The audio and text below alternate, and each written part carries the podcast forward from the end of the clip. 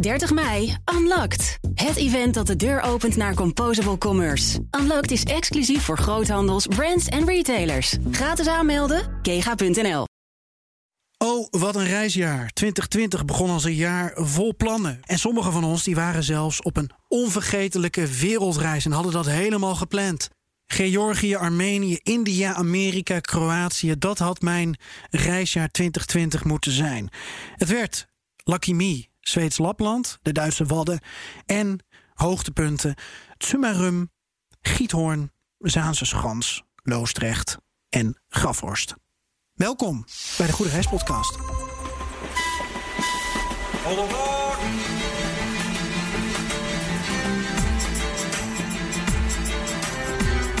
Welkom bij de Goede Reis Podcast, de leukste wegwijzer voor onderweg. Deze podcast is een productie van BNR Nieuwsradio en reismagazine Columbus Travel. Ik ben Geert-Jan Haan en mijn vaste reisgenoot is Mark McIntosh, hoofdredacteur van Columbus. Hallo Mark, goedenavond. Hey Gert-Jan. Welke uh, wintersport of uh, uh, uitje met familie of yoga-reis ben jij misgelopen dit jaar?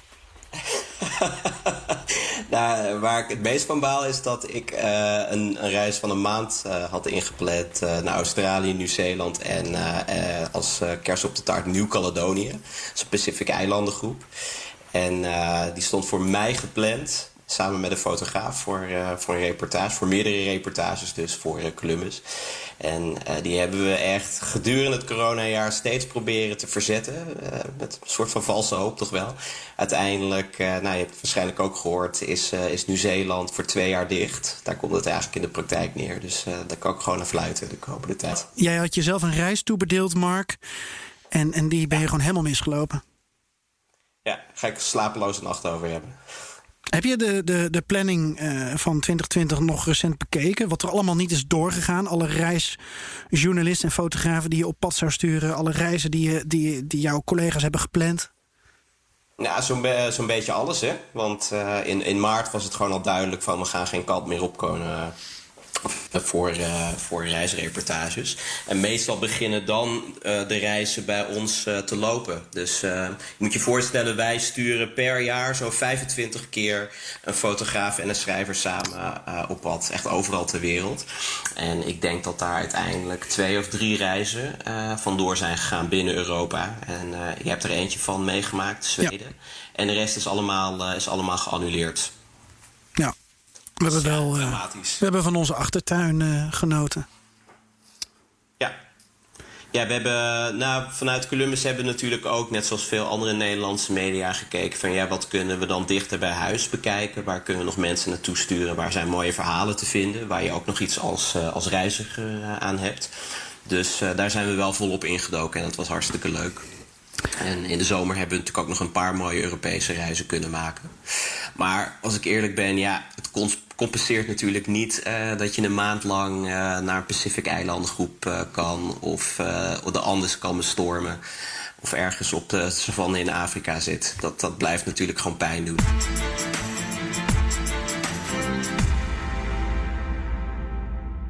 Van de Goede Reis podcast. En in de vorige aflevering blikten we met reisondernemers terug op een heel lastig jaar. Je hoort het al als je uh, Mark aan uh, hoort wat er allemaal is uh, misgelopen. In deze aflevering focussen we ons dus op de reizigers zelf. Want laten we niet vergeten dat reizigers, avonturiers en vakantievierders... die bijvoorbeeld in maart op reis waren... dat die ineens met bizarre situaties werden geconfronteerd. Annika van Beek die zat in Peru. Toen werd het Toedeloe, Peru. En Harriet Kleistra die kent inmiddels elke straatsteen van Koerdistan... waar ze vast zat vier maanden lang. Hallo, uh, Harriet, hoe gaat het met je? Ja, hoi. Uh, nou ja, goed zou ik zeggen. Het is nog steeds een beetje lastig om weer terug te zijn. nu nog maar anderhalve maand. Dus. Ja, vier maanden Koerdistan, dat was niet het plan, hè? Nee, we zouden er max 30 dagen zijn. Dat is de termijn die je krijgt aan de grens. Krijg je een gratis visum voor 30 dagen. En dan zouden we door naar Iran. ja, ja, we hebben het over Iraaks Koerdistan, hè, voor de helderheid. Ja, klopt. Dat is de autonome regio in het noorden van Irak. Annika, eh, even wat uitgebreider uh, op jouw situatie ingaan. Uh, voordat we het over vier maanden Koerdistan gaan hebben van Harriet en alles wat daarvoor en daarna zat. jouw verhaal, dat begint um, eigenlijk al voor 2020.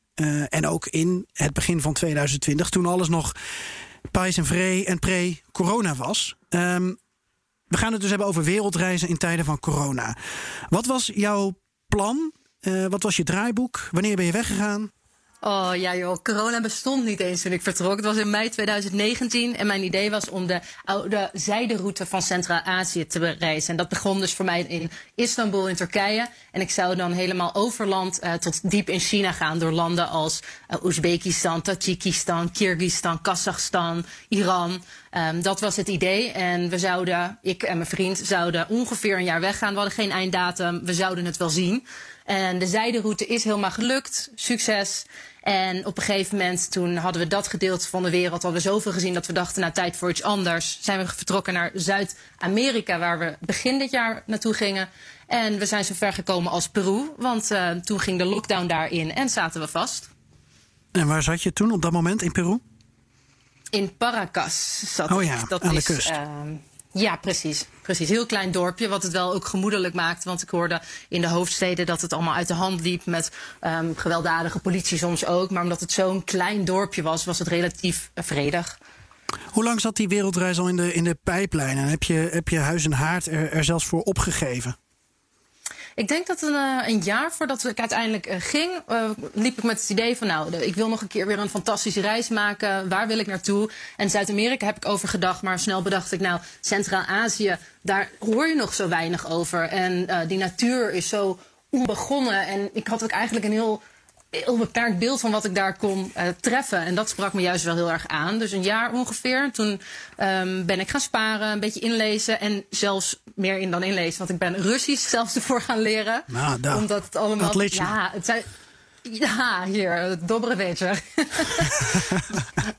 We zijn, ehm, eh, ja, hoe zeg je dat? Ehm, het is natuurlijk allemaal Sovjet-Unie-gebied tot 1991. Dus ja, als je geen Russisch daar spreekt, merk je dat je toch wel lastig kan reizen. Dus dat heb ik gedaan, helemaal voorbereid.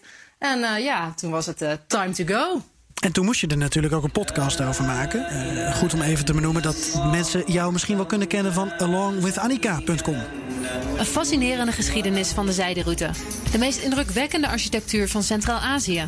En een land dat haar best doet om beter te zijn dan voorheen. Reis mee naar Oezbekistan.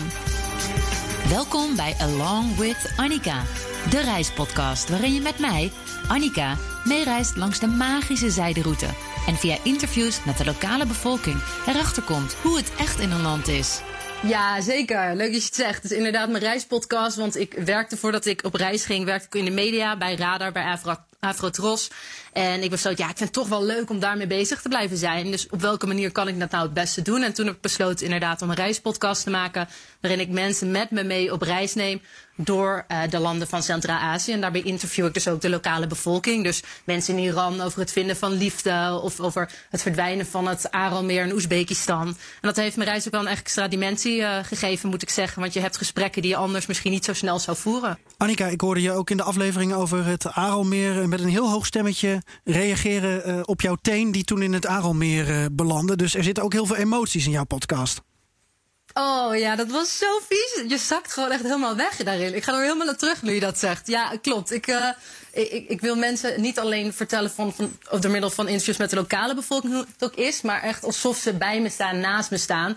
En toevallig heb ik er ook een gemaakt over dat ik dus vast kwam te zitten uiteindelijk in de lockdown. En ik kreeg gisteren nog een berichtje via Instagram van iemand die zei: Toen ik jouw aflevering luisterde, moest ik helemaal huilen, omdat ik zelf ook vast ben gekomen te zitten ergens. En in die podcast huil ik zelf ook. Want ja, het was gewoon best wel emotioneel uiteindelijk ook dat je reis zo eindigt. Dus zeker, ik probeer het ook persoonlijk te maken. Ja, dan ben ik naar huis.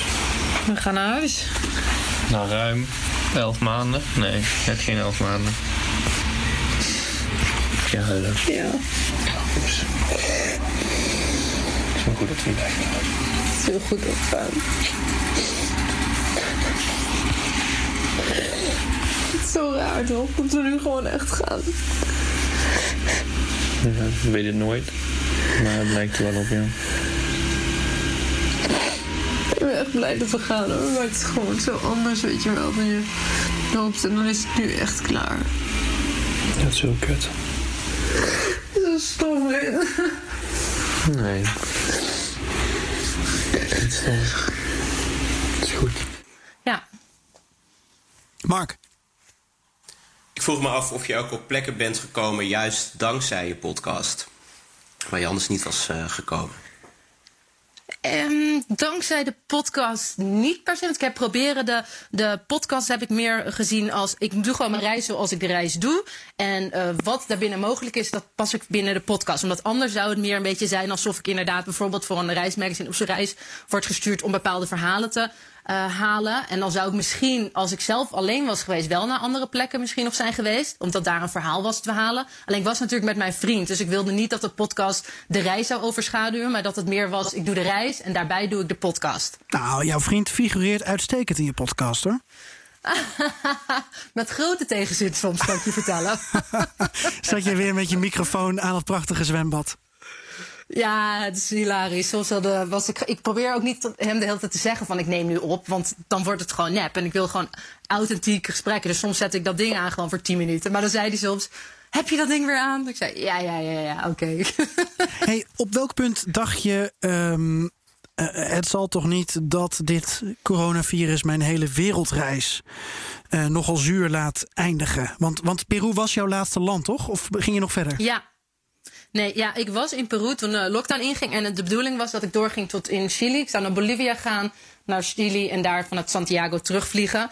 Ehm, het moment dat voor mij de eerste twijfel kwam, was op het moment dat we in Ecuador waren. Dat was denk ik twee weken daarvoor. En toen waren we aan het couchsurfen in een echt een heel klein verlaten dorpje waar ik anders nooit was geweest als ik niet ging couchsurfen. Ehm, en daar zeiden een paar mensen, begonnen ze grapjes te maken over corona. Van, oh ja, haha, corona dit, corona dat. En toen merkte je, oh ja, dat begint nu ook hier te leven. Dat kwam veel later in Zuid-Amerika weer dan ook alweer hier in eh, Europa. Ehm, en toen we in Lima in Peru waren... ehm, of toen we de grens overgingen naar Peru, toen merkte je alweer dat er eh, thermometers bij de grens kwamen. Dus de temperatuur werd gemeten. Dus dat was iets. En Annika, eh, ik wanneer was het dat? laatst- dat was ehm, begin maart. Begin maart. Zit ik even te denken. Ja, ja, begin maart. Want toen was net de situatie dat in Nederland echt werd gesproken over. Nou, we gaan nu de lockdown in. En alles werd ehm, heel heftig hier. Ehm, dat maakten we van een afstand mee. Toen zeiden we, nou, gelukkig zitten we dan hier. Dat is nog relatief goed. Want je moet je voorstellen, het moment dat ik Peru inging. was er op dat moment, denk ik, één persoon die besmet zou zijn volgens de officiële cijfers daar in het land. En een week later eh, was het hele land al op lockdown. Zo snel is het daar gegaan. Want we hebben daarover gehad. Wat gaan we doen? Gaan we terug? Ehm, toen we merkten dat eh, musea dichtgingen. Dat we dachten, oké, wat ga je hier nog doen als musea ook dichtgaan? En, en gaat het hier ook echt eh, uitbreiden zoals in de rest van de wereld? En toen hadden we het er al over, maar nou, misschien moeten we terug. En toen was het eigenlijk al te laat, want toen gingen de grenzen al dicht. En Annika, hoe erg was de situatie toen? Hoeveel mensen hebben uiteindelijk eh, besmettingen opgelopen? En wat was de situatie in, in zijn algemeenheid in het land? Ehm, het leek heel erg te zijn alsof het virus zich eh, langzaam verspreidde daar. Maar dat heeft achteraf gezien denk ik ook heel erg te maken met dat de cijfers gewoon totaal niet hebben geklopt. Want als je nu kijkt, dan staat Peru best wel hoog in de lijst met landen die het erg zijn getroffen door het virus. Ik geloof dat er nu bijna 100.000 gevallen zijn. Ehm, en het heeft ook mee te maken dat het is gewoon een best wel arm land. Dus mensen moeten gewoon werken voor hun geld. Dus je kan wel zeggen, ja, je hebt het virus, dus blijf thuis. Dan gaan, verhongeren ze. Dus dat heeft er ook heel erg mee te maken dat, ehm, eh, ja, dat de situatie denk ik daar zo geëscaleerd is. En dat merkte je aan die eerste week dat ik daar zat, merkte je daar als toerist natuurlijk weinig van. Maar dat is wel wat ik ook hoorde van ehm, degene die werkt in het hotel. De eh, Peruaanse man die eigenlijk ons van informatie voorzag. Want ik heb natuurlijk twee weken heb ik uiteindelijk gezeten in een hotel daar. En eh, ja, hij probeerde ons toch wel op de hoogte te houden. Je zat twee weken in een hotel. Je, je mocht ook niet naar buiten? Ja, in Peru was het zo. Het begon met: ehm, oké, eh, de grenzen gaan dicht. eh, de, je moet binnen je hotel blijven eh, als toerist. Maar toen zei ons hotel: ja, het hotel gaat dicht. Wij zeiden ja. Oké, andere hotels mochten niemand meer aannemen. Dus toen was dat nog een hele discussie. Maar uiteindelijk moesten we in het hotel blijven. Mocht alleen naar buiten voor boodschappen, bankzaken en medicijnen. Eh, op een gegeven moment was er een avondklok, was er ook dat je na acht uur niet meer de straat op mocht. En eh, er was zelfs op een gegeven moment een regel dat eh, op sommige dagen mochten mannen naar, vrouwen, naar buiten en op andere dagen vrouwen. Oh, Ja, dat had mee te maken uiteindelijk. Want ik heb wel de, de president gaf om de dag gaf die een speech daar ook. En dat heb ik zoveel mogelijk proberen te volgen. En dat had dus te maken met dat de handhaving daardoor makkelijker werd. Want je kan natuurlijk heel makkelijk zeggen. Goh, uh, jij mag vandaag niet op straat, want je bent een man, dat zie je direct. Maar je kan moeilijker testen. Goh, ben jij nou echt op straat omdat je essentiële dingen gaat doen als boodschappen of medicijnen halen? Dat is moeilijker te controleren dan man-vrouw. ik had dit nog niet, uh, niet meegekregen. Dit is vrij bijzonder. Apart, hè? Ja, dat dacht ik, ik ook. Leeftijd is, uh, is, is ook een handige categorie. Maar zoals we in Spanje hebben gedaan. Maar dat was daar ook niet aan de hand.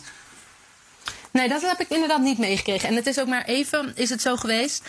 Um, want je merkt op een gegeven moment hebben ze dat ook, denk ik, gedaan. Omdat op het, het, werd niet echt nageleefd voor mijn gevoel. In ieder geval in Paracas waar ik zat. Op een gegeven moment was de regel ook dat je nog maar uh, één persoon naar buiten mocht. Nou ja, dan zag je gewoon iedereen met z'n drieën nog. Of uh, mensen basketbal op het veldje bij ons. En ja, mensen probeerden toch te doen. Ja, ja, toch die vrijheden te behouden of zo. Ja, wat iedereen toch een beetje probeert. Het, was natuurlijk ook nog een beetje daar aan het begin. Dus niemand wist nog, oké, hoe serieus is het nou weer hier? Maar het werd serieus. Je de hele wereld hebt. Het werd heel serieus. Ja. Hoe, hoe, hoe werkt dat uiteindelijk als je gerepatrieerd wordt? Het klinkt namelijk vooral pre-corona als iets dat je gebeurt op een bergtop.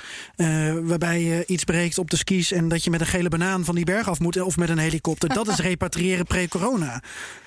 Ja, eens. Hoe ging ja, dat? Nou, wat, wat, wat je moet voorstellen, zodra wij te horen kregen van... oké, je zit in de lockdown, uh, alle grenzen zijn dicht... dan is het eerste moment waarop je denkt...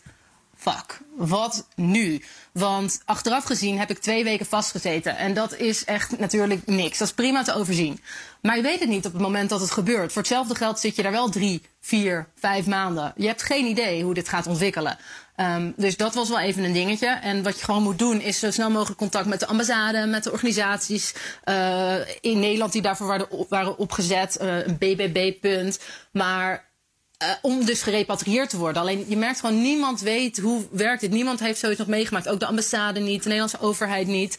Dus ja, je gaat gewoon continu wachten op bericht, maar weer van dan komt er een vlucht. Alleen alle vluchten um, waren geschrapt. En het enige wat nog mocht plaatsvinden waren dus repatriëringsvluchten. Maar dat betekende dus dat alle landen ter wereld die toeristen vast hadden zitten in Peru. Um, een soort van moesten vechten of discussiëren over wie kreeg welk plekje om toeristen op te halen. Want je kon alleen nog maar van het militaire vliegveld gaan. Dus dat is ook logistiek weer een hele onderneming vanuit die kant geweest. En jij moet er maar wachten van wanneer gaat Nederland en kunnen wij ook op die vlucht of zitten wij pas op een latere? Hoe ging die ondersteuning inderdaad in de praktijk? Uh, was het gewoon dat je de hele tijd zelf de ambassade hebt moeten chasen en die organisaties? Wat, hoe, wat vond je van de ondersteuning eigenlijk vanuit de overheid? Zowel aan de Nederlandse als de Peruaanse kant? Uh, ja, van de Peruaanse kant uh, heb ik niet direct ervaring mee gehad, omdat alles ging gewoon meteen via het Nederlandse punt. Um, je merkte gewoon dat de ambassade, laten we vooropstellen, de ambassade heeft keihard uh, hun best gedaan om in een situatie die niemand kent, iedereen thuis te krijgen. Alleen omdat er zoveel onduidelijkheid was, kreeg je soms ook tegenstrijdige informatie. Om een voorbeeld te geven, wij hadden op een gegeven moment nieuws van, nou hè. Um, uh, er gaat een vlucht. Nou, daar wil je dan op zitten. Dus je gaat weer bellen. Goh, zitten we op deze vlucht, want je hebt je ingeschreven ervoor. Um, en dan krijgen we te horen van het coördinatiepunt in Nederland. Nee, jullie zitten uh, echt niet op de vlucht. Ik zie het hier staan. Terwijl vanuit de ambassade hadden gehoord, ja, je zit sowieso op de vlucht. Dus nou ja, hè, daar ging onze hoop weer. En dan ga je vervolgens ambassade contacten. En die zeggen weer, ja, je zit er sowieso op. En je gaat al door een rollercoaster van emotie van... oké, okay, komen we thuis of blijf, moeten we hier blijven? En dan heb je die hoop en dan gaat hij weer weg. En, dus het was best wel chaotisch. En ook al deed iedereen heel erg zijn best. Alleen vanuit de vliegtuigmaatschappij, daar heb ik wel wat over te zeggen. Die waren gewoon niet bereikbaar. En dat vond ik echt wel kansloos. Oké, okay. ja. waarvan akte? Ja. Uh, hoe je uiteindelijk uh, uh, toch nog thuis bent gekomen, dat houden we nog even als cliffhanger erin. Want Harriet, jij hebt um, corona meegemaakt toen je in Iraaks Koerdistan zat. Um, op welk moment dacht jij, ik ga hier uh, een probleem tegemoet? Uh, nou, eigenlijk was het begin maart. Dachten we nog dat het allemaal wel oké zou zijn. Want we waren dus in Koerdistan, daar in Noord-Irak. En uh, we wilden de grens over met, met de auto naar Iran. En we volgden natuurlijk het nieuws in Iran en we wisten dat het corona daar al heel heftig was. Maar het was vooral in het noorden, in de grote steden. En wij dachten, weet je, wij willen toch naar het zuiden, naar waar het mooi weer is. Dus, en we kamperen, dus het maakt allemaal niet zo uit. Dus wij zijn uh, begin maart zijn wij uh, nog vol goede moed naar het Iraanse consulaat in Erbil gegaan om ons visum op te halen. En toen zeiden ze: Ja, nou ja, je krijgt hem vandaag niet, want de grens gaat dicht. Maar kom volgende week maar terug. Ja, toen dachten we: Oké, prima, we gaan wel weer gewoon kamperen. Wij Erbil wel uit en dan komen we volgende week terug. toen dachten we nog dat het allemaal wel los zou lopen. Ondertussen had Turkije de grens ook dichtgegaan, dichtgedaan. Dus we wisten dat we vastzaten op dat moment. Maar ja, het zou allemaal wel meevallen. En uh, totdat opeens uh, de lockdown werd afgekondigd in Koerdistan. En we, ja, we eigenlijk geen kant op konden en ook niet mochten. Het was een lockdown, een volledige lockdown en een travel ban. En was het hetzelfde als in Peru bij, bij Annika? Dat je alleen maar voor de allernoodzakelijkste dingen dan naar buiten mocht? Ja, ja, zeker. zeker. Dat was echt uh, checkpoints op elke straathoek. Nou ja, ik moet zeggen, checkpoints en controles, dat is al wat normaler daar. Uh, dus dat vonden we niet gek om tegen te komen. Maar ze waren nu, er waren echt veel militairen op straat. maar aan de andere kant, er is natuurlijk ook enige vorm van corruptie. En als jij belangrijk genoeg bent, in je stad of in je wijk en je kent de juiste mensen, dan kan je je ook wel weer langs een checkpoint lullen. Zo gaat het natuurlijk ook wel in Koerdistan. Hoe was jij in Koerdistan beland? Hoe is dit onderdeel van jouw reis geworden? Uh, nou, ik ging met mijn toenmalige vriend uh, op reis en we wilden ook naar Azië. En ik hoorde het net van Annika en toen dacht ik wel, oh, dit doet wel een klein beetje pijn. Want mijn vriend en ik hadden een auto gekocht, zo'n Defender met een rooftop tent. En het idee was om dan via Turkije Azië in te gaan. En daar ook Centraal-Azië door te gaan. En Iran, Pakistan, India, Nepal. Voor eigenlijk, we hadden niet een exacte route bedacht. Maar we dachten, we kijken wel hoe ver we komen. En we zien wel waar het weer en de visa ons brengen. dus we hebben de eerste maanden, we zijn september 2019 vertrokken. Dus ook ver, ver voor COVID aan de orde was. En de eerste maanden in Europa toen hebben we drie maanden in Turkije overwinterd. En daar hebben we toen uh, begin februari de keuze gemaakt om niet naar Georgië te gaan, ook niet rechtstreeks Iran in te rijden, uh, maar eerst naar Koerdistan te gaan. En dat is eigenlijk puur vanwege het weer geweest. Het zou natuurlijk heel koud zijn op dat moment in Oost-Turkije en in Iran in het noorden. Dus we dachten, weet je wat, we gaan Koerdistan in. ik had me ingelezen op dat moment ook pas. Ik had er nooit aan gedacht om Irak in te gaan. Uh, maar we gaan er gewoon voor. Dan steken we door en dan kunnen we mooi naar het zuiden van Iran, waar het al, al warmer is. Ja, half februari kwamen we in, uh, in Koerdistan aan. En uiteindelijk uh, in juni, half juni, konden we pas weg. vier maanden later. Vier maanden en één dag, hè? Ja, vier maanden en één dag. En dat dag. is dus echt als transit bedoeld? Nou ja, je krijgt aan de, aan de grens krijg je, als, als Europeaan krijg je aan de grens een, uh, een gratis visum van 30 dagen. Wat echt ruim zat is om een mooi rondje Koerdistan te doen. Uh, want het visum is ook alleen maar voor Noord-Irak, voor de autonome regio Koerdistan. En dan zijn die 30 dagen echt hartstikke mooi en kan je superveel zien. En we dachten, dat is prima. En dan kunnen we daar in Erbil, in de hoofdstad, kunnen we het uh, visum voor Iran halen. Het was eigenlijk, zou perfect geweest zijn. Uh, Harriet, je hebt geen uh, podcast gemaakt van je, van je reis, maar kon je nog wel um, iets van je, ja, van je momenten daar kwijt? ik zag je af en toe twitteren natuurlijk. heb je dingen opgeschreven? Heb je op die manier contact met het thuisfront onderhouden? Ja, uh, mijn vriend die vlogde altijd, waar ik uh, net als de vriend van Annika uh, soms met frisse tegenzin aan meedeed. nee hoor, was, was soms ook heel erg leuk. Um, maar op een gegeven moment, ja, we zaten natuurlijk in een volledige lockdown. En, en alle dagen beginnen dan op elkaar te lijken. Want, want je, we mochten echt niet naar buiten. We kwamen eigenlijk nergens. En dat was, dat was heel moeilijk en uh, soms ook heel erg stressvol. Ik merk dat echt dat die, die weken die Annika ook heeft gehad van uh, contact met het consulaat en uh, Uh, komt er een vlucht, komt er geen vlucht? Sorry, je vroeg hoe ik contact hield. Ja, uiteraard, uh, ik twitterde en we hadden een Instagram en de vlog. En uh, gewoon via WhatsApp, want er was daar internet, dat was allemaal prima. Ja. Um, maar het, waren hele, hele gekke weken. In het begin zaten we bij een Koerdisch gezin in huis en we waren er echt te gast. En dan, ja, dan word je natuurlijk ook een soort geleefd. Alles wordt voor je gedaan. En het, het was echt super lief. En we, we waren heel blij dat we daar waren. Want anders, we hadden niet kunnen kamperen. Uh, want ja, we mochten niet reizen. Dus dan kan je wel kamperen ergens. Maar daarna moet je naar een dorp om eten te halen. En dat was onmogelijk. Dus dat we bij hen in huis zaten was echt geweldig. Uh, maar ja, het is de hele tijd uh, sit, sit, eat, eat, drink, drink. Mm. Hoe, hebben, hoe hebben jullie dat geregeld? Nou, het was heel toevallig gegaan. Uh, we zijn uh, Erbil uitgegaan en we zijn maar weer gaan kamperen. Toen kwamen we Koerden tegen, die je dan natuurlijk thee aanbieden en vragen of je mee wil eten, thuis uitgenodigd worden. En uiteindelijk vroegen ze ons om voor het weekend uh, mee te gaan naar een zomerhuisje in de bergen. Een beetje in het noordoosten van Koerdistan. En uh, we zouden gewoon mee voor een weekendje, want leuk, we hoefden toch nog niet terug naar het consulaat. En uh, ja, de grens is dicht, we hebben toch niks anders te doen. En we zaten daar met echt een hele grote familie, 18 mensen in een klein zomerhuisje. Echt een prachtige plek in de bergen. En, en daar werd toen de lockdown, waar, daar waren we toen de lockdown werd afgekondigd. En dat was echt bizar, want je zag ook echt iedereen van, ja, nu dan? Wat gaan we dan nu doen? Annika? Ja, geen idee.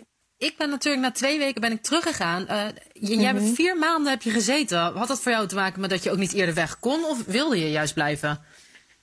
Nou, we, we hadden een auto en uh, eigenlijk wilden we onze auto niet achterlaten. Want we hadden, uh, ja, we hebben twee jaar aan de voorbereiding van deze reis gewerkt. Eerst natuurlijk uh, bedenken wat voor auto, dan maanden op zoek naar de perfecte auto. En toen hebben we die Defender uh, van binnen helemaal leeg gehaald en hem helemaal geschikt gemaakt om mee te reizen. Uh, mijn vriend heeft de hele onderkant van de auto uit elkaar gesloopt. Nou ja, we hadden het, ons auto was, de auto was zeg maar ons huis. Het was ons alles. En dat, we wilden die niet achterlaten, want zie je die dan ooit weer terug. Maar bovendien stond de auto ook nog gestempeld in zijn paspoort. Met andere woorden, hij mocht eigenlijk het land niet uit zonder auto. Uh, en dat was heel lastig. Uh, we hebben daarover gehad met het consulaat. En het was allemaal heel onduidelijk van wat doen we nou met die auto? Waar moet je die dan neerzetten? Uh, krijg je die dan weer terug? En hoe dan? Moet je ervoor betalen? Um, dus wij dachten, weet je, wij gaan niet weg zolang, we, uh, zolang het niet hoeft. Maar goed, er was natuurlijk een risico uh, dat, het, dat het volledig mis zou gaan. Ik bedoel, Koerdistan is natuurlijk een gebied waar heel veel mensen uh, verschrikkelijke dingen hebben meegemaakt. Uh, er zijn overal wapens. Als de pleuris uitbreekt, ja, dan zit je daar gewoon niet goed. Maar wij zaten dus bij een gezin in huis. Er werd heel goed voor ons gezorgd. Ik werd alleen maar dik van al het lekkere eten. Uh, dus er was geen reden om weg te gaan. Nou, dik worden. en op dat moment... Ja, een beetje dik worden. Ja, dat mag, dat mag. Uh, maar, Iedereen in Nederland maar, toch ook? Coronakilo's. Ja. Exact, exact. Ja. En, en op dat moment deed Koerdistan het heel erg goed. Of dat, dat weten we natuurlijk niet zeker. We weten niet in hoeverre de overheid dat eerlijk heeft uh, gezegd daar. Maar het leek heel goed te gaan. Want Koerdistan is heel snel totaal op slot gegaan. En uh, de scholen waren al heel vroeg dicht. En op een gegeven moment ging uh, alle grenzen waren dicht. Er kwamen geen vliegtuigen meer in, zoals in Nederland. Dus het leek echt ja, qua besmetting allemaal heel erg mee te vallen. Je kon beter in Koerdistan zitten dan in Nederland. Maar toch, vier maanden.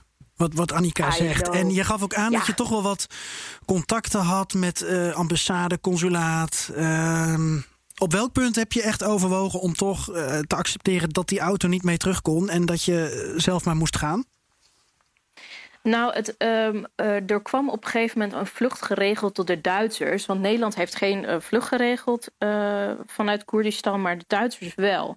En daar konden we dan eventueel mee mee. En dat was ook heel erg betaalbaar. Want er was soms opeens een commerciële vlucht, maar dan was het echt 2000 dollar per persoon. En dat, ja, dat vonden we het gewoon niet waard. Want dan ben je 4000 dollar verder.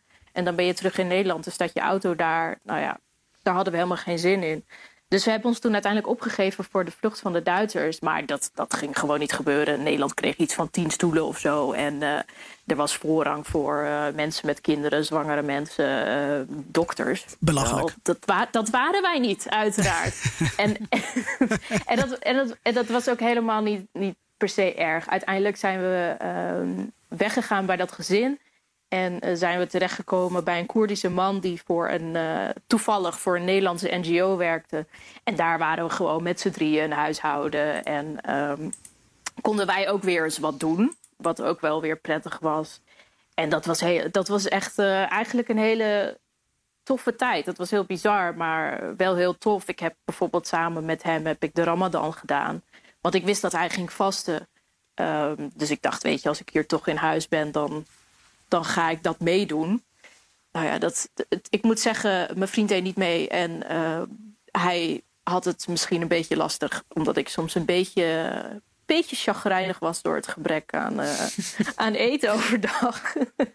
maar het, het, was wel mooi, want het, we hadden geweldige gesprekken daar om uh, drie uur s'nachts, als we dan weer zaten te ontbijten voordat de zon weer opkwam. En uh, we konden daar over de compound waar we toen zaten, konden we gewoon vrij wandelen zonder dat er controle was of checkpoints. Dus ja, het, was, het was een gekke tijd, maar het was wel ja, ik had het niet willen missen. Wat was dan na, uh, je had het over Iran als volgende route. Mm -hmm. um, hoe, hoe is je wereldreis daarna verder eigenlijk gegaan?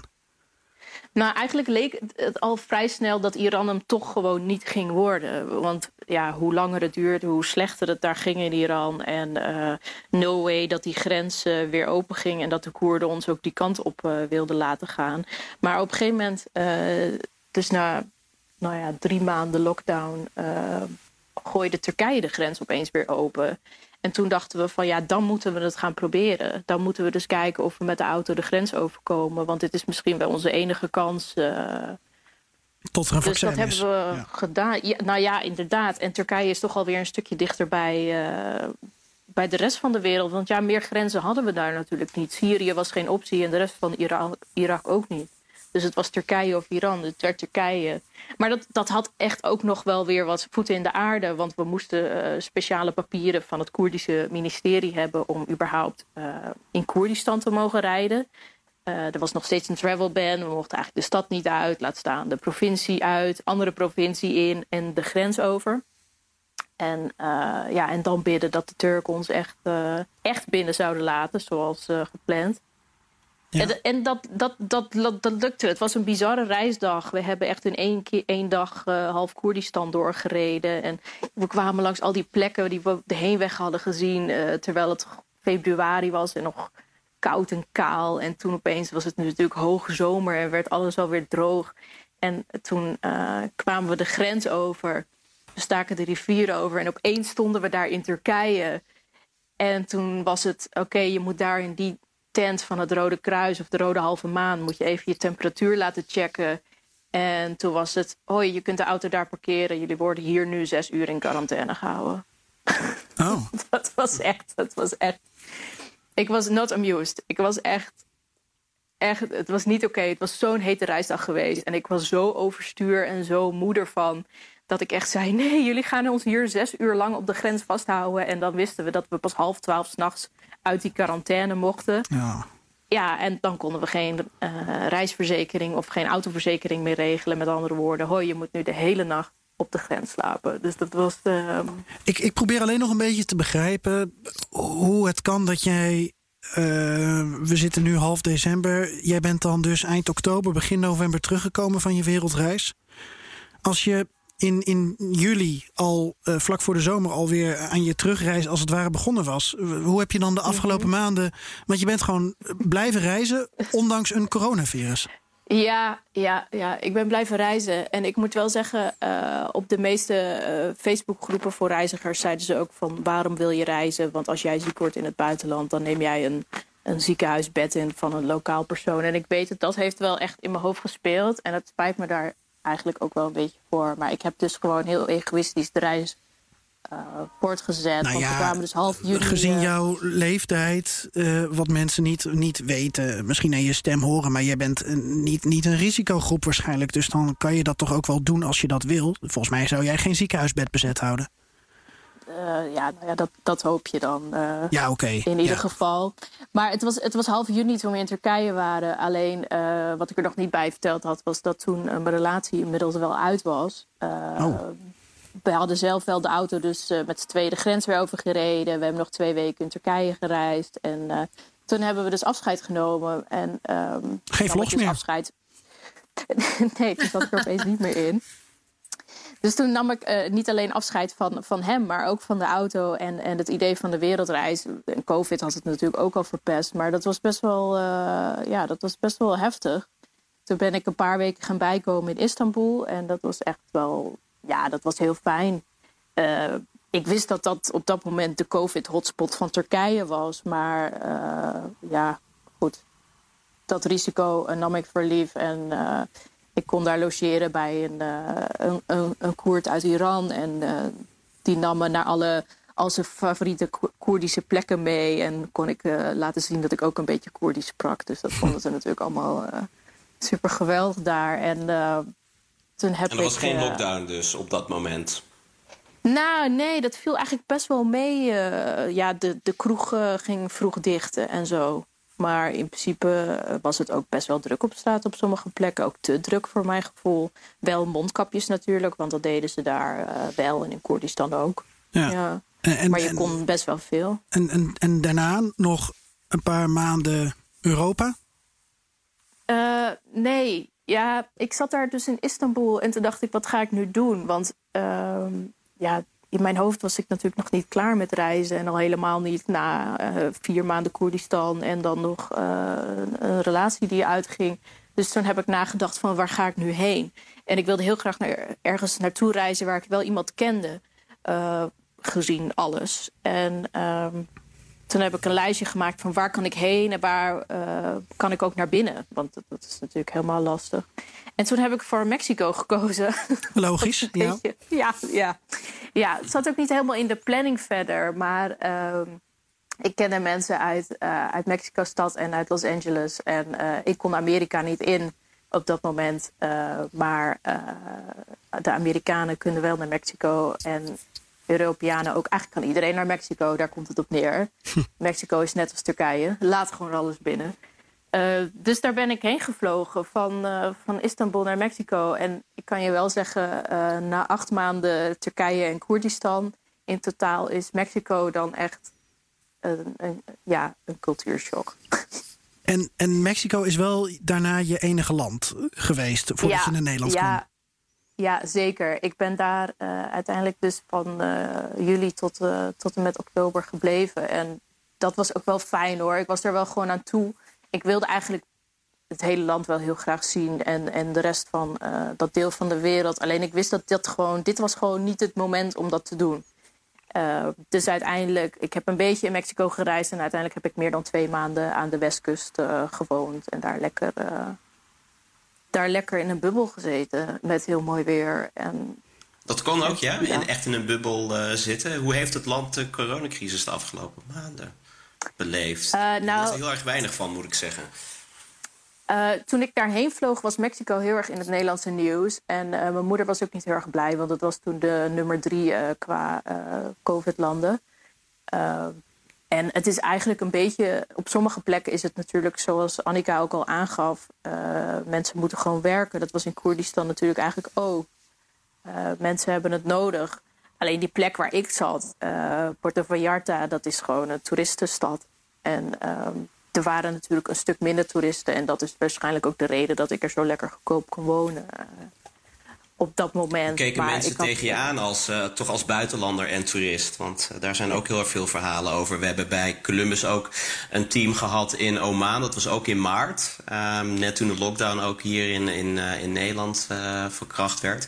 En zij zaten dus eigenlijk op een gegeven moment vast. Dus ik heb ze op het laatste moment nog weg kunnen halen. Met, met een vlucht in allerijl.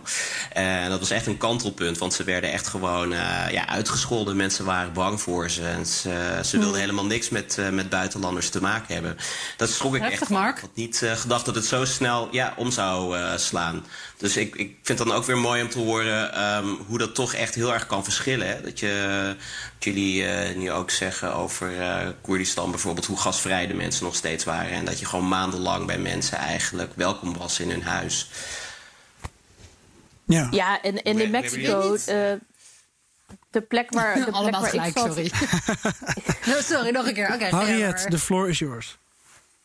de plek waar ik zat in Mexico, ze waren eigenlijk alleen maar natuurlijk blij met, met toeristen. En uh, als er toch Amerikanen kwamen of Canadezen, ja, dan waren ze alleen maar blij dat die er waren, want dat bracht geld in het laadje. En dat hadden ze gewoon nodig. En um, laten we eerlijk zijn, uh, de Mexicanen zelf zijn natuurlijk ook niet altijd zo strak met de regels. Dus en de, dat, bedoel, dat zie je in Nederland en dat zie je overal ter wereld. Uh, dus nee, gelukkig geen, uh, geen reacties zoals in Oman gehad. Zeker niet. Ik wil even uh, afzakken in Spaanstalig Amerika van Mexico naar Peru. Want um, Annika, als je het verhaal van Harriet zo hoort, heb je wel eens een moment gedacht van potverdikkie, waarom heb ik me laten repatriëren? Nee, Nee, het was voor ons, um, laat ik vooropstellen, ik wilde absoluut uh, doorreizen als dat mogelijk was geweest. Alleen de situatie was op dat moment gewoon zo onduidelijk. Wat kan nog? Um, ik had door kunnen reizen, maar dan had ik misschien in Bolivia vastgezeten of weer in Chili. Um, en op een gegeven moment was het gewoon heel erg duidelijk voor mij qua gevoel in ieder geval: oké, het is klaar. Het is niet hoe ik wilde eindigen, maar dit is nou eenmaal wat het is. Uh, ik ben gezond, daar tel ik mijn zegeningen mee. Um, en het is uh, time to go. En natuurlijk had ik het heel graag willen afmaken. Maar nee, geen twijfel gehad um, over dat dit een slechte beslissing was. Ook omdat natuurlijk uh, op dat moment de situatie een stuk uitzichtlozer was. In die zin van bij, bij Harriet, die kon niet anders dan vier maanden vastzitten. En bij jullie in Peru had je ook misschien als voordeel tussen haakjes, wat het repatriëren betreft, er zaten heel veel Nederlanders bij jullie. Dus de overheid had net iets meer urgentie waarschijnlijk om toch een vlucht te sturen of dingen voor jullie te regelen. Hoe zat dat? Nou, ik weet wel dat. Um, ik weet niet of het. Volgens mij was het Australië. Australië en Peru zaten volgens mij op het moment dat repatriëring begon. Um, wereldwijd zaten de meeste Nederlanders vast. Ja. Uh, dus zeker. Um, wij stonden hoger op het lijstje dan Koerdistan. Dus het verbaast me niet heel veel dat ze daar niet een repatriëringsvlucht daarheen hebben gestuurd, inderdaad.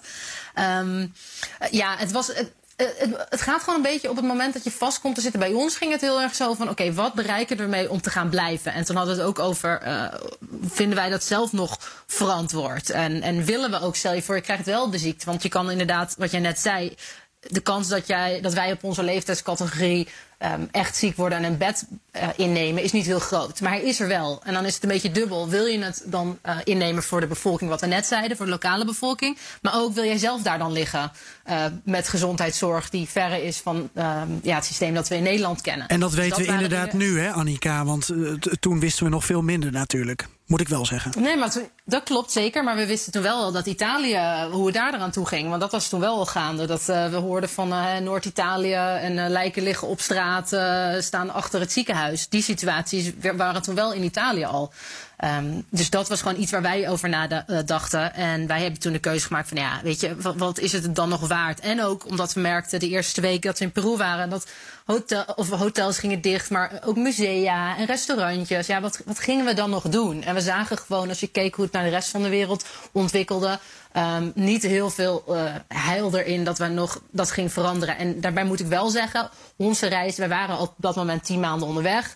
Um, wij waren binnen twee maanden waren wij bij het zuiden van Argentinië of het zuiden van um, Chili gekomen en via Santiago teruggegaan. Dus wij hadden nog twee maanden en wij hebben gewoon voor gekozen. Wij hebben zo'n mooie reis al gemaakt. Want wij hadden onze zijderoute al gedaan. Fantastische tijd. Sorry Harriet, in Iran gehad. Zo pijnlijk. sorry, sorry. En um, uh, ja, Oezbekistan en Kazachstan en China. We zijn zo lang, hebben zoveel mooie dingen gedaan. Dus we hebben echt gedacht, oké, okay, count your blessings. En uh, ook naar huis gaan, ook vanwege de ouders, een beetje geruststellingen. Ja, en hoe ben je uiteindelijk dan uh, op het vliegtuig gezet? Nou, daar heb ik een hele mooie reispodcast over gemaakt.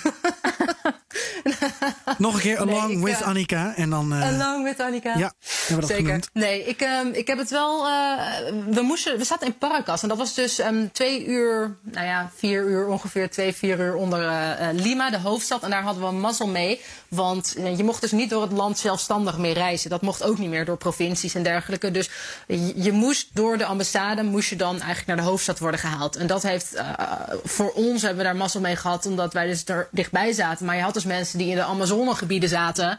Ja, no way dat die op tijd voor die vlucht uh, in Lima konden zijn. En de ambassade kon het ook niet zomaar regelen. Dus dat was het eerste wat er werd gedaan. We werden eerst naar um, Lima gehaald, moesten we daar een overnachting nemen. Um, allemaal met militaire escorts uh, werden we onderweg gestuurd. We kwamen aan in Lima. Nou, de stad die ik op mijn netvlies heb als een van de meest chaotische qua verkeer waar ik ooit ben geweest. Helemaal leeg. Gewoon echt niks qua verkeer. Gewoon echt bijzonder. Um, op iedere hoek stond inderdaad um, zonder militairen met uh, mitrailleurs uh, de situatie te bewaken. We werden bij de boulevard uiteindelijk in Lima eruit gezet. En toen dacht iedereen, nou, nu gaan we naar ons hotel lopen. Maar dat ging dus ook niet gebeuren. Want er kwam het leger alweer aan in, in een paar groepjes... om ons toch wel even vriendelijk te zeggen dat we allemaal de bus in moesten. En die moesten ons letterlijk voor de deur droppen van ons hostel. En uh, ja, dat was boodschappen doen, de noodzakelijke dingen en wachten tot de vlucht in de ochtend ging. En dat werd ook weer um, echt met een bus, militaire escort, naar het militaire vliegtuig. En um, uh, ja, niet, niet de normale bagagehallen, uh, gewoon op plastic stoeltjes werd je gezet. De bagage werd voor je neus gezet en er kwam een hond langs om te snuffelen eraan, zoals ook op het vliegveld gaat. Maar dan zit je daar allemaal op die stoeltjes anderhalve meter uit elkaar, plastic en ja, een bizarre ervaring. Het lijkt echt als uit een film. Dat, dat was continu wat ik dacht. Dit is een film als in uh, de wereld vergaat en uh, get the hell out of here, uh, dat. Ja, alsof al die mitrailleurs het coronavirus even kapot zouden schieten. Ja, we pakken ze wel. We ja. pakken ze wel. Jij, jij sprak trouwens Ja. nog in je podcast ook een, een, een Belgische dame die zei van... ik wil niet weg uit Peru, want ik wil een lama zien. Ja, dat klopt. Dat heb je goed onthouden, zeg. Hallo. Nou, dit onthoud je wel. Hele wereld eh, Ja. in de fik en niemand wil een lama zien. Ja, nee, dat was, dat was wel haar prioriteit. We'll just wait and see how the situation will be like. We really want to see Peru. I want to see a llama before I go. That's really something I want to see. So I'm not leaving without seeing one. Nee, nee, kijk, het was heel grappig, want het was inderdaad een eh, Belgisch-Frans eh, stel. Dat zat bij ons in het ehm, ehm, hotel waar we in lockdown waren. En die waren zo gebrand ook om op door te gaan. Echt, maakte niet uit. Die moesten gewoon doorgaan. En ook al zag je dat iedereen in ons hotel steeds meer het besef kreeg van... oké, nee, het is echt wel tijd om te gaan. Het is tijd om te gaan. Nee, zij, zij wilde blijven en dat was prima. Ehm, maar dat, lama, dat, dat, dat heb ik er niet uitgekregen hoor. Ik heb gezegd, joh, hè, is het nou niet eh, wijs om te gaan? Of, of, of wat zijn dan je overwegingen? Maar ja, de lama, en natuurlijk, het was een beetje een grapje. Maar eh stiekem ja. ook niet hoor. Nee. Zou je eh, een deel, Annika, een deel van je reis ehm, nog een keer over of op- opnieuw willen doen of willen afmaken? Afmaken ehm, als in. Kijk, ja. Afmaken niet. Eh, niet voorlopig in ieder geval. Of nadat de wereld weer semi-normaal zou zijn. Als het weer kan. Ehm, dan ook niet per se. Omdat dit voelt gewoon als een reis. En die, die heb ik nu een beetje afgemaakt in mijn hoofd. al. Ik heb hem afgesloten. En dat is heel jammer. Want ik heb dus Bolivia en Chili gemist. Maar eigenlijk ook Peru. Want ik heb alleen het noorden gezien. Machu Picchu niet. En al die zuidelijke fantastische wandelingen Oh die je ja, kan doen. heb ik wel gedaan. Ja, dat is echt daar- fantastisch. oh, hou op. ik heb een lama Ja, gezien. daar- Oh, ja, nee, heb ik dan ook wel weer gezien. Maar hè, de rest? Oh, ja. ik herken het, Harriet. Nu ben ik jaloers op Geert-Jan. Ja, ja, maar ik was, dus in, ik was er in maart 2018. Dus kan je nagaan, het had mij ook kunnen overkomen. Precies dezelfde periode, maar dan een ander jaar. En ja, daarom zitten er inderdaad zoveel Nederlanders. Ja, maart is een prachtige maand om Machu Picchu eh, te zien. En Colca de Canyon te doen. En inderdaad Ja, Ica dat is Paracas. precies ja, ik bedoelde. Ja. Nou ja, ja, dat is het dus wel, moet ik zeggen. Kijk, dat is heel jammer dat ik het allemaal heb gemist. Maar omdat ik zo ehm, op zo'n abrupte manier ook ging... als ik dan terug zou gaan nu om dat af te gaan maken... dat voelt dan weer alsof ik iets doe ehm, wat al afgesloten is ergens. Ik weet niet of dat heel logisch klinkt, maar in mijn hoofd is dat in ieder geval zo. Dus ik denk dat ik zou heel graag nog wel naar Chili willen... en, en Bolivia en alles, maar... Echt, dat zie ik meer gebeuren over eh, zes, acht jaar of zo nog een keer. Maar de zijderoute, dat kan ik echt iedereen zo erg aanbevelen. Als je een beetje van ehm, avontuur, ehm, hiken over bergtoppen en besneeuwde pieken zien. En langs de grens met Afghanistan ga je. En helderblauwe meren, verlatenheid. Hou op met me. Ik denk eh, dat sorry. Harriet wel een deel eh, van haar reis nog wil doen. Ja, nou echt zeker, zeker doen. Het is fantastisch. En eh, het enige, het eten is wat minder. Maar ja, hè, Plof. plof. Gewoon rijst Ja. met schaap en een Met wortel. schaap. Ja. Eh, niet het lamsvlees uit Argentinië, dat klopt, ja. Nee, Ehm, zeker geen lam. Nee, oud vet schaap. Harriet, eh, zelfde Ja. vraag dan voor jou. Hè? Een, een deel van je reis, ook al snap ik dat het misschien anders is... omdat je dan eh, dat alleen zou doen... of met een, eh, een nieuwe relatie of met andere mensen. Maar ehm, ja, Ja. heb je er nog plekken in gedachten? Ja, uiteindelijk wil ik nog steeds heel graag naar Centraal-Azië. En ik vind het echt oprecht nog steeds heel erg jammer dat het gewoon niet zo, niet zo gegaan is, inderdaad. Bedoel, door COVID en door het einde van mijn relatie. Dat, ik bedoel, sommige dingen wil je natuurlijk ook niet dat ze zo lopen. Maar ja, het gaat wel een keer gebeuren. Ik weet niet hoe. Misschien wordt het inderdaad wel eh, daarheen vliegen en dan een auto huren en dan alsnog eh, daar inderdaad langs de grens met Afghanistan rijden en alles. Ja, ja. En, en ooit toch naar Iran. Ja, ik was zo dichtbij. Annika, eh, eh, 2021 voor de boeg. Wa- wa- wat voor reisjaar gaat het worden? Eh, voor jou persoonlijk, maar wat, wat denk je dat we met z'n allen gaan doen of wat we niet gaan doen? Ik merk dat ik eh, zelf ehm, eigenlijk op dit moment voor het eerst in mijn leven niet heel erg met reizen bezig ben. En dat is echt puur vanwege het coronavirus, omdat ik het zo onvoorspelbaar vind hoe het zich gaat ontwikkelen allemaal in de wereld. Dat ik gewoon denk, ja, ik kan wel allemaal plannen voor mezelf in ieder geval gaan maken, eh, die dan toch allemaal niet doorgaan. Dus liever bekijk ik het even en op het moment ehm, dat, dat er weer of een, een vaccin is waar genoeg mensen zijn gevaccineerd, dat het niet meer ehm, eh, ja, zo rampzalige gevolgen kan hebben als nu, dan ga ik weer kijken van waar ga ik naartoe. En eh, ik, ik, ik denk dat over het algemeen, qua de rest van de wereld, hoe iedereen er tegenaan kijkt, het blijft toch een beetje persoonlijk. Ik denk dat we allemaal eh, wel trips, of de meeste mensen wel tripjes zullen maken waar mogelijk als overheid zegt, hé, je kan weer ehm, wel naar ehm, bepaalde regio's in Europa. eh, het reisadvies wordt aangepast, mensen worden gevaccineerd. Ik denk dat heel veel mensen het gewoon zo erg die behoefte hebben aan toch even weggaan, dat dat nog ook aankomend jaar zal gebeuren. En ik denk dat voor mij misschien toch die noodzaak wat minder voelt, omdat ik net zo'n gigantische reis heb gemaakt. Maar het is wel een ehm, bizarre benadering voor mezelf hoor. Want normaal gesproken, als ik terug was van een reis, was het eerste wat ik dacht: oké, where to next? Ja. En om dat niet te hebben is wel ehm, toch wel een beetje apart. Dat je een soort van gat hebt. Maar ben je dan nu bezig gat, met een, een, een voorjaarsvakantie, een midweekje Den Helder? Wat, wat wordt het alternatief? Nee, ben ik ook totaal niet mee bezig. Nou, Den Helder is meer- best er leuk. zijn meer. Ja, ik geloof je direct. Nou, ik moet zeggen, ik ben, ehm, eh, ik ben meer bezig met hoe kan ik nog wel verhalen over bijvoorbeeld reizen maken. Dat wel, want ik heb natuurlijk mijn- eh, reispodcast en daar heb ik nog heel veel verhalen die ik aan het monteren daarover ben. Mhm. Want we gaan nog naar Xinjiang in, eh, in China en zo. Dus dat, dat houdt me op die manier daarmee bezig. En verder denk ik ook weer na van, goh, er zijn zoveel verhalen over de hele wereld te vertellen. Over bijvoorbeeld, ehm, ja, mensenrechten is een eh, onderwerp wat me zelf erg aan het hart gaat. Dus dat ik misschien toch van een afstand interviews kan doen nog met mensen uit andere landen. Eh, eh, ja, dat zou ik wel heel erg leuk vinden. Dus op die manier ben ik meer met reizen bezig. Harriet, eh, wat denk jij dat 2021 eh, gaat brengen? Nou, ik, ik, ja, als historicus doe ik eigenlijk niet aan toekomstvoorspellingen, Ach. Geert-Jan. Maar, Nou, tijdens de Spaanse griep dat jaar daarna, toen gingen ze reizen, joh. Dat wil je niet weten. maar zelf, voor mezelf, ik moet zeggen dat ik nu eigenlijk al eh, de website van het eh, Amerikaanse consulaat in Amsterdam de hele tijd aan het refreshen ben. Omdat ik, ja, ik, ik wil graag eh, naar Amerika. Ik wil naar mijn vrienden uit Los Angeles. En de vrienden die ik in Mexico heb gemaakt, die eigenlijk in San Francisco wonen, wil ik opzoeken. Alleen, ik heb nu een volledig visum nodig om naar Amerika te reizen. Omdat ik dus in Irak ben geweest. Kan ik niet meer op zo'n ESTA. Oh ja. Dus eh, alleen ze geven helemaal geen, geen visa uit op dit moment. Dat is eh, al maanden eh, niet aan de orde. Daarom kon ik ook niet verder reizen dan Mexico. En ik wil heel graag dus daarheen naar Californië. En ik wil eigenlijk ook terug naar Mexico. naar de vrienden die ik daar heb gemaakt. En dan de dingen gaan doen die helemaal niet konden Ja. op dat moment. En uiteraard wil ik ook op een dag, en dat gaat misschien niet volgend jaar al gebeuren, maar terug naar Koerdistan en naar de mensen die, ja, die zo'n geweldig deel van mijn leven zijn geweest. Eh, Nou, dat kan je wel maanden. zeggen, ja. Eh, dat is Ja, wel heel en veel ik- intenser Mag ik ook zeggen, het Ja, is zo alles zeggen. prachtig, Koerdistan. Koerdistan is zo prachtig. Oh, dus dat is, jouw, dat is jouw tip bij deze? Oh ja, loop ik al vooruit op de zaken. Ja, mijn tip, Koerdistan. En het is, eh, het is natuurlijk, alles ligt super gevoelig. Maar als mensen denken aan Irak, dan denken ze aan woestijn en kamelen. Maar eh, Koerdistan is het noorden van Irak en, en eh, onder andere natuurlijk.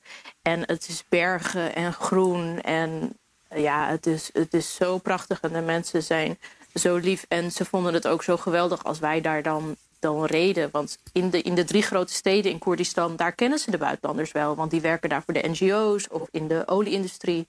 Maar daarbuiten, ja, daar zien ze ons niet veel. Daar komen de, als er toeristen zijn, dan komen die uit, uit, uit zuidelijk Irak, uit Bagdad of eh, uit andere eh, landen in het Midden-Oosten. Ja. Maar ja, ons kennen ze daar niet. Het enige wat heel lastig is voor Koerdistan is dat de hotels dus heel erg duur zijn.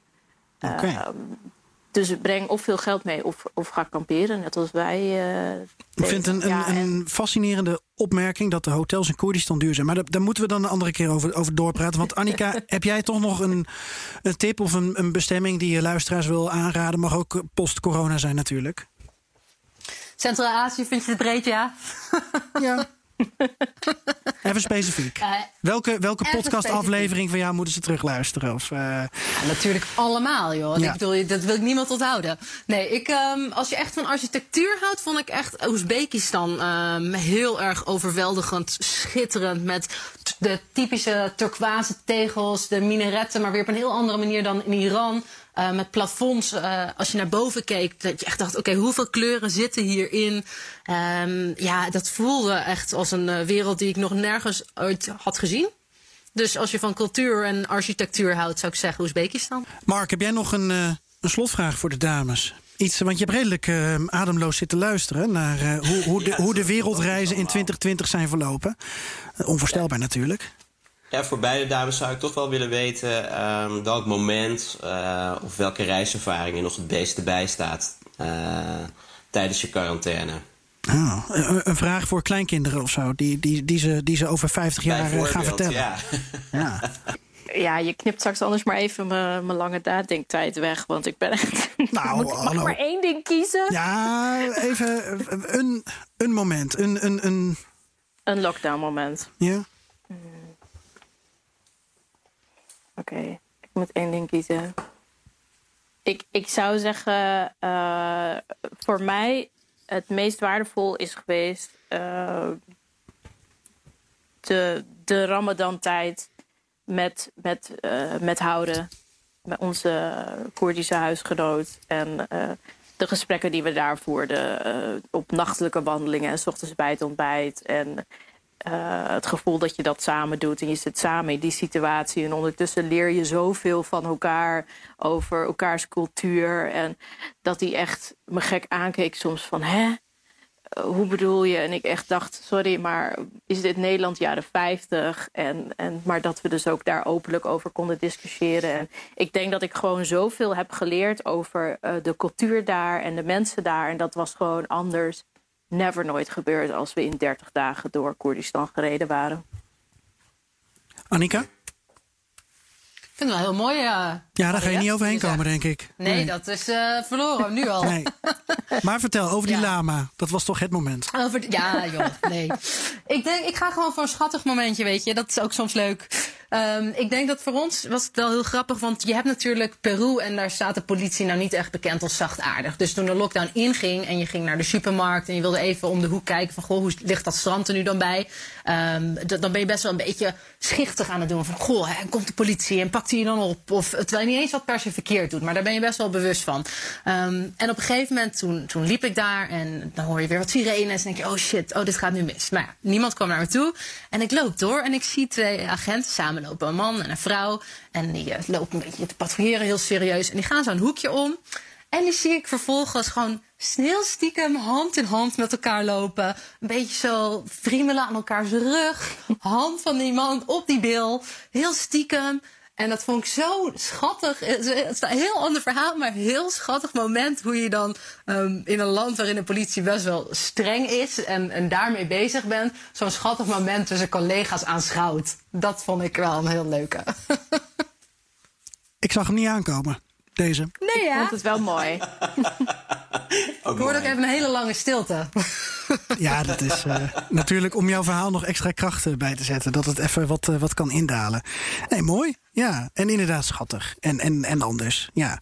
Ik hoop dat jullie eh, toch in 2021 een soort van een mooi reisjaar hebben. Ik heb nog wel wat tips. Want Mark, we begonnen met een lijstje. Ik heb het ook maar even opgeschreven. Ik zou dit jaar voor, voor Columbus naar Georgië gaan, Armenië, India. Ehm, ik had eh, zelf ook nog voor ander werk naar Amerika en Kroatië moeten gaan. Ik had vakanties met het gezin in gedachten. En ook zo'n treinreisje waar jij het over had. En ik heb maar eens opgeschreven wat het dit jaar is geworden, 2020. En wat ik dus ehm, als tips eh, kan meegeven eh, aan mensen voor 2021. Ben je er klaar voor? Ga ervoor. Ik begon in uh, Tsumarum. Ehm, eh, en heb uh, Franeker en Harlingen bezocht. Uh, Zeeuws-Vlaanderen. echt even opzoeken. Het Summerum. Ja. ja. Spreek je dat echt zo uit? Ik heb geen flauw idee, want ik heb geen mens gezien. Um, eind mei, Zeeuws-Vlaanderen. Ik heb um, toeristische dingen in eigen land gedaan. Ik ben namelijk bootje gaan varen in Giethoorn. Ik heb het Anne Frankhuis voor het eerst bezocht. Ik heb met de kano de Biesbos verkend. En ik ben gaan wandelen langs de Zaanse Schans. Nou, uh, Japanser kan je het niet maken. Uh, ik ben gaan fietsen over de Veluwe. Ik ben in Grafhorst een lang weekend geweest. Dat is een gehucht bij Kamp en IJsselmuiden. En uh, heel veel wandelen. Regio Baarn, regio Apeldoorn, Ankeveen, Loosdrecht, Vinkenveen, Oldenaller. En mijn achtertuin ziet er inmiddels uit als een rotonde. Maar er was nog wel wat buitenland voor mij weggelegd. Uh, de Eifel in Duitsland, echt mooi. Koekshaven, namelijk de Duitse Waddenzee. Ook echt te gek. En dus kers op de taart. Ik geef het toe. Ik heb zoveel mazzel gehad met, uh, met mijn lieve reisgenoot Mark. Zweeds Lapland voor Columbus. En dat komt in januari uh, in de winkel. En dan is dat avontuur te lezen met prachtige foto's van Malou van Brevoort. Ja, dat is misschien dan toch uh, het minst jaloersmakende naast Tsumarum en Grafhorst. Maar ja, het was wel, uh, het was wel mooi, Mark. We gaan op naar een nieuw reisjaar dat nog beter wordt. Ja, ik, ik, heb daar nog een podcast van. Die komt dan de volgende keer. En dan hoor je ook de mensen aan het woord. De ondernemers daar. Over hoe uh, corona in Zweden uh, ook wel tot, tot een stimulans voor de staycation heeft uh, gezorgd. En je hoort nog wat andere verhalen. Niet over lama's en niet over schattige mensen die aan elkaars billen zitten. Maar wel andere dingen. Zat hier iets bij, Annika, hey, Harriet? Hey, hey. Zat hier iets... hey. Ik, voel, uh, ik voel wel een beetje een downgrade van mijn mooie verhaal hier. Hè? Over de schattige mensen. Dat is een beetje jammer. Ja, maar het, het Overijsselse dorp Grafhorst, daar kan je gewoon niet overheen. Sowieso snap ik niet dat jij op zoveel plekken bent geweest, Geert-Jan. Het, was, het advies is thuisblijven, toch? Van de zomer. Ja. Dat allemaal gepropt in één maand, denk ik. Ik heb heel weinig, ik heb heel weinig mensen gezien. Nee, ja, ja, je gaat gewoon wandelen en je gaat huisjes huren en, en je moet wat. Ja. Oh, dus dat kan ik doen nu ik terug ben in Nederland. Ik ga jullie heel erg bedanken voor jullie tijd en voor jullie verhaal. Echt indrukwekkend hoe je een wereldreis ja. maakt en hoe een wereldreis dus aangepast moet worden in coronatijd. Maar ook mooi om te horen dat jullie toch uh, ja, uh, bijzondere ervaringen hebben opgedaan en het niet allemaal voor niks was. Uh, tot slot, Annika, jouw relatie? Moet ik toch even naar vragen? Helemaal, helemaal goed. Helemaal goed. Acht en een half jaar en going strong. Oké, okay, nou. Dan, dan is dat toch even wat vrolijks om, om mee af te sluiten. Dan wens ik jullie een. Uh, ja, sorry Harriet. Ja, dat is zo ja, zuur. lekker dit, ja, uh, Gert-Jan. Echt heel fijn. Ja, ik wilde net zeggen, ik vind het redelijk zuur. Ik wens jou een fijne partner in 2021 toe. Oké, oké, oké. Nou ja, ik zet het uh, op het lijstje. Behalve die boekdeel die je nu voor me gaat regelen, wordt het ook een nieuwe partner voor ja, bezoeken. En een, en een baan, hè? Dus mensen kunnen jou in via, via uh, in Iran. Ja, mensen kunnen jou via LinkedIn uh, benaderen, hè, geloof ik. Zeker weten, zeker weten. Ik ben ja. beschikbaar. Even, je, je, je zegt Harriet, maar je schrijft dus Henriette Kleinstra. Voor de mensen die je willen opzoeken. Voor LinkedIn of voor Tinder. Dankjewel, Harriet Kleinstra. En ook dankjewel, Annika van Beek.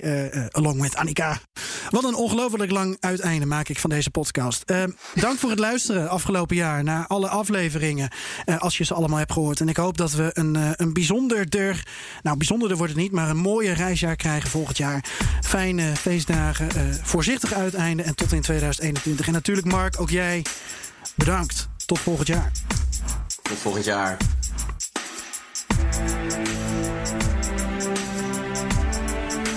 Jongens, wat kan ik lullen? Dank jullie wel. Alle, jezus. Ik, eh, Wat een slecht verhaal dit. ja, dit is podcast en dan moet je het allemaal laten zien. Jezus, Ehm. ik wilde nog iets zeggen dat een podcast toch een witte mannenhobby was. Sorry Annika, maar... poeh, poeh. Huppakee. Ja. Nou, die van Annika is dus korter en strak. Dat had ik dus eigenlijk al gezegd. Dus, eh, Daar ga je al, hè? Daar ga je al. ja, verschrikkelijk.